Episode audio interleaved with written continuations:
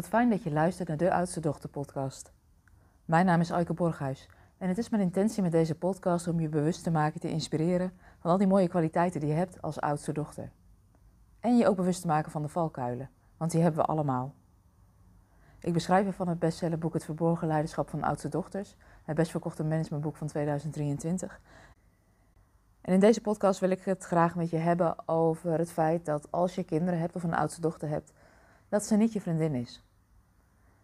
Nou, hoe kom ik hier nou zo bij? Deze week had ik een bijzonder gesprek met een vader. En deze vader had een boek gelezen.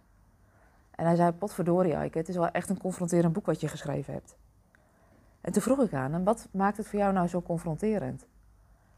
En hij zei, ja, ik heb altijd met eer en geweten mijn oudste dochter opgevoed. Maar nu ik dit boek lees, zie ik dat ik misschien hier en daar wel wat steken heb laten vallen. Of dat ik dingen anders had kunnen doen. Het heeft me ook kritisch laten kijken naar mijn eigen rol als vader. We raakten daar zo over in gesprek en ik zei ook tegen hem: Je kunt jezelf volgens mij recht in de spiegel aankijken. Je hebt op dat moment gedaan wat je dacht dat goed was, dat juist was. En nu je meer weet, kun je misschien dingen anders doen.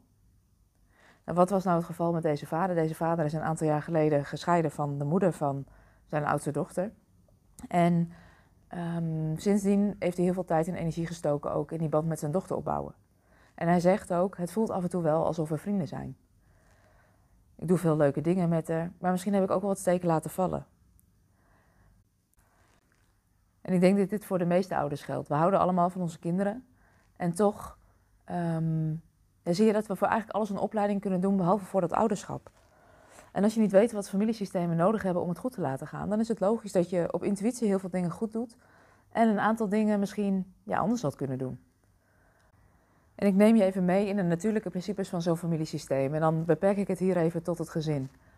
Want als je kijkt naar een gezin, dan zie je dat ouders naast elkaar staan in de laag boven de kinderen. En dat kinderen daarna in de laag daaronder staan in de volgorde van geboorte. Dat is de logische ordening in een familiesysteem. Een van de andere basisprincipes is dat er sprake is van binding. Iedereen die bij dat systeem hoort, heeft recht op een plek. Vader, moeder en de kinderen. En daar horen ook de kinderen bij die niet zijn geboren, misschien een miskramen, misschien een abortus. Die horen ook allemaal bij dat familiesysteem. En wat ook belangrijk in een familiesysteem is, is dat er een balans is in geven en nemen. Nou, ik zal die principes heel even met je doorlopen. Als je kijkt naar de ordening in een familiesysteem, dan nemen ouders een andere plek in dan de kinderen. En je zou het zo kunnen zien dat ouders in de laag boven de kinderen staan en de kinderen daaronder. Dit betekent niks dat mensen meer of minder waard zijn, maar dit gaat over de ordening in een familiesysteem. En als dat duidelijk is, als ouders zorgen voor hun kinderen, dan kunnen kinderen gewoon kind zijn. Wat er kan gebeuren is dat een van de ouders of misschien beide ouders niet aanwezig zijn of niet beschikbaar zijn. Wat je dan kan zien is dat een van de kinderen eigenlijk voor de ouders gaat zorgen en zich dus onbewust groter maakt dan passend is voor die plek. Of passend is bij de leeftijd. En voor een kind is dat vaak op dat moment nog helemaal niet zo vervelend, want je voelt je verantwoordelijk, je voelt je belangrijk en dat levert ook echt kwaliteiten op die je later in je leven ook goed kunt gebruiken. De valkuil daarvan is, is dat je als kind minder vrij bent om je eigen keuzes te maken. En in dit geval van bijvoorbeeld gescheiden ouders, wat je ziet is dat de ouders uit elkaar zijn gegaan dan is het niet meer zo helder hoe die ordening in elkaar zit, want een van die ouders is weg.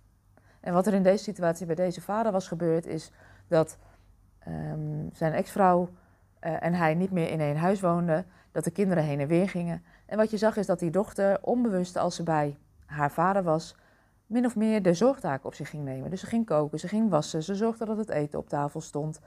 Um, en dat doet een kind ook vanuit um, die, die, die voelt dat gat en die springt daarin. En daar is op zich ook helemaal niet zo heel veel mis mee. Um, als je er maar bewust van bent dat dat vaak niet de plek is van, uh, van de dochter.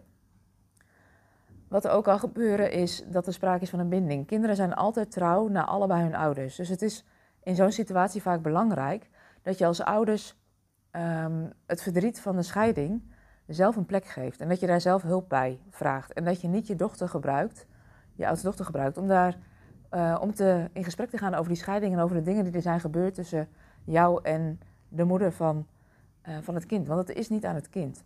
En je kunt het natuurlijk ook andersom zien. Hè? Stel dat je, dat je moeder bent, dan is het niet helpend om met je oudste dochter of met je oudste zoon of met je kinderen te spreken over wat er um, niet goed was in de relatie voor een soort relatieadvies in te winnen. Want dat is niet de plek voor je kinderen. Die raken daarmee belast. Want kinderen zijn ja, altijd loyaal en trouw aan allebei de ouders. Want wat je ziet is dat kinderen uh, voor de helft uit het DNA van de vader bestaan en voor de helft van de DNA uit de moeder. Dus op het moment dat je als vader negatief praat over de moeder, onbewust en onbedoeld, kun je dan ook een deel van het kind af.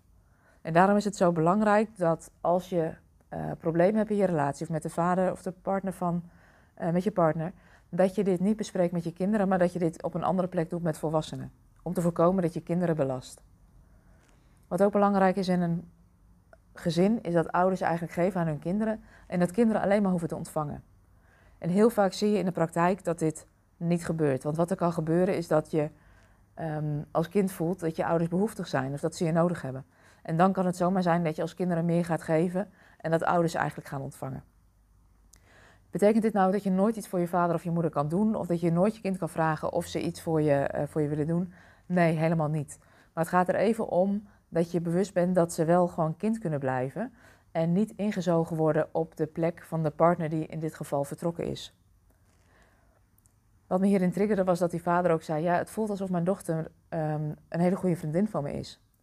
En wat er ook gebeurt is dat als ik dat hoor, is dat ik eigenlijk al weet dat die oudste dochter niet meer op haar volwassen plek staat, maar eigenlijk is opgestegen in dat familiesysteem om ook wat te zorgen voor haar vader. En ik vroeg aan hem, ik zei, oh, dat, dat gebeurt vaker. En hij zegt, ja, door het lezen van het boek word ik me daar bewust van, dat ik me afvraag of dat wel handig is. En toen vroeg ik aan hem, ik zeg, goh, ben jij misschien ook wel op zoek naar een nieuwe partnerrelatie? En toen zei hij tegen me, ja, daar ben ik wel naar op zoek, maar het wil nog niet zo vlotten. En toen zei ik tegen hem, dat is logisch, want jouw dochter staat nog op de plek van je potentiële nieuwe partner. Dus er is geen plek naast je voor een nieuwe partner. En toen zag ik hem echt kijken en ik zag echt kwartjes vallen. Um, want, want ja, zo werkt het natuurlijk ook als, als je uit elkaar bent als ouders en je zou een nieuwe partner willen, um, maar een van je kinderen staat nog op de plek van de andere ouder, dan is die plek voor jouw nieuwe partner helemaal niet vrij. Dus um, nog een reden dat het belangrijk is dat kinderen gewoon kind kunnen blijven. Nou, ze hebben nog een heel mooi en open gesprek gehad. En toen zei hij ook, oh, ik ga dit boek vandaag ook cadeau doen aan mijn dochter. En uh, het haar eens laten lezen. En wie weet wat het oplevert. En toen zei ik ook tegen hem, ja, wat ik heel veel heb gehoord de laatste tijd van ouders die je boek ook hebben gelezen. Um, en die het vervolgens ook met hun oudste dochter hebben besproken. Dat dat zoveel um, helderheid gaf, zoveel ruimte gaf, zoveel nieuwe mogelijkheden om de relatie ook weer op een andere manier, um, eigenlijk op een andere manier in verbinding te gaan. Dus in verbinding te gaan uh, zonder dat je in, in uh, binding zit met elkaar. Waarbij je eigenlijk allebei vrij bent om je eigen keuzes te maken, je eigen gesprekken te voeren, je eigen dingen te kunnen delen. Um, nee, en ik vond zo'n waardevol moment of zo'n waardevolle ervaring dat ik denk ik delen met je. Het verhaal wat ik net met je heb gedeeld geldt natuurlijk ook andersom. Stel dat je uit elkaar bent met de partner van, um, van je kinderen. Dus dat je als oudste dochter uh, niet meer samen bent met de vader van je kinderen. Dan is en blijft het belangrijk om je bewust te zijn dat uh, kinderen kind mogen zijn op de plek in het familiesysteem. En nogmaals, dat betekent niet dat ze niet mogen helpen, want dat mag zeker. Maar het gaat heel erg om dat, dat jij de ouder bent en zij kind kunnen blijven. En daarom denk ik ook dat het belangrijk is om je kind, je oudste dochter, niet als vriendin te zien, uh, maar haar echt te blijven zien als je oudste dochter. Want dat is de plek die ze inneemt in het familiesysteem. En dat maakt haar ook het meest vrij om haar eigen keuzes te maken. En hiermee zou ik deze podcast ook willen afronden. Dus dank je wel voor het luisteren. Mocht je nou voelen, hey, dit is interessant, ik wil geen aflevering meer missen, abonneer je dan. En mocht je het boek nog niet hebben gelezen, dan zou je even in de aantekeningen bij deze uh, podcast kunnen luisteren. Of naar de website www.aikeborghuis.nl slash boek gaan. En dan zou je het boek Het Verborgen Leiderschap van Oudste Dochters kunnen bestellen als je dat wil. Ik wens je een hele fijne dag en um, tot een volgende aflevering.